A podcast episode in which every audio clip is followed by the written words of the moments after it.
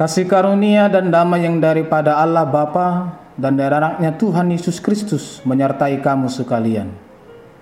Amin. Shalom, Horas Salimanta, sengahon lima menit menangiho Tuhani, yang diambil dari Poda 4 ayat 10. Hai anakku, dengarkanlah dan terimalah perkataanku, supaya tahun hidupmu menjadi banyak. Setangihon ale anaha, jala jakon maakka hataki asatabba diho akka taun ningolum. Bukan hal yang baru bila kita mendapatkan sebuah nasihat dari orang-orang terdekat atau mungkin orang yang jarang bertemu dengan kita. Pada intinya semua nasihat itu untuk satu tujuan, yaitu demi kebaikan kita. Namun beberapa banyak di antara kita yang sering mengabaikan nasihat dari mereka yang mengasihi kita. Jika ayat ini dimulai dengan kata dengarkanlah, itu sama artinya berikan waktu dan perhatianmu untuk mendengarkan. Tinggalkan kesibukanmu maupun aktivitasmu.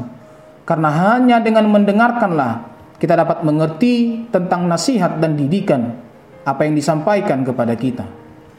Jika kita mau mendengarkan secara sungguh-sungguh, maka nasihat dan didikan itu yang akan mengarahkan kita untuk memiliki hidup menjadi lebih bijak dan akan membuat kita memiliki rasa bahagia untuk menjalani hari-hari hidup kehidupan kita.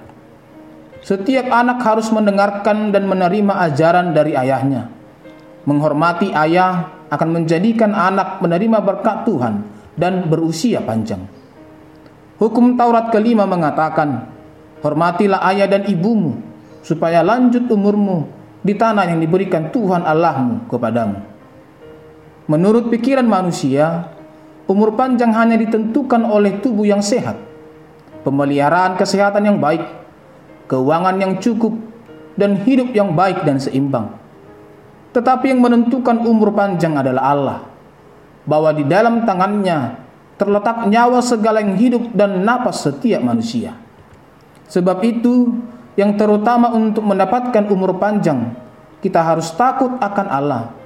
Tetapi pemeliharaan tubuh yang patut juga harus dilakukan karena kita tidak boleh mencobai Allah. Orang tua sebagai guru dalam keluarga harus memberi bekal bagi anaknya untuk kehidupan di masa selanjutnya. Demikian pula hikmat Tuhan juga harus diajarkan kepada si anak. Hikmat Tuhan akan menjadikan anak itu hidup di jalan kebenaran. Dengan mentaati dan melakukan firman Tuhan, yang menjadi sumber dari segala sumber hikmat, maka kita akan mengerti apa yang menjadi kehendak Tuhan untuk kita lakukan dalam hidup kita.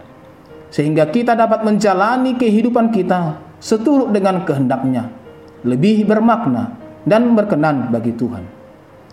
Abraham Lincoln mengatakan, pada akhir kehidupan, bukan tahun-tahun kehidupan kita yang diperhitungkan, namun kehidupan di dalam tahun-tahun itulah yang diperhitungkan dan yang berarti.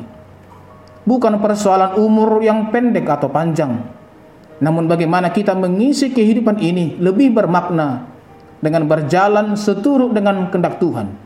Sehingga setiap hari dapat kita lalui dan kita nikmati dengan sukacita.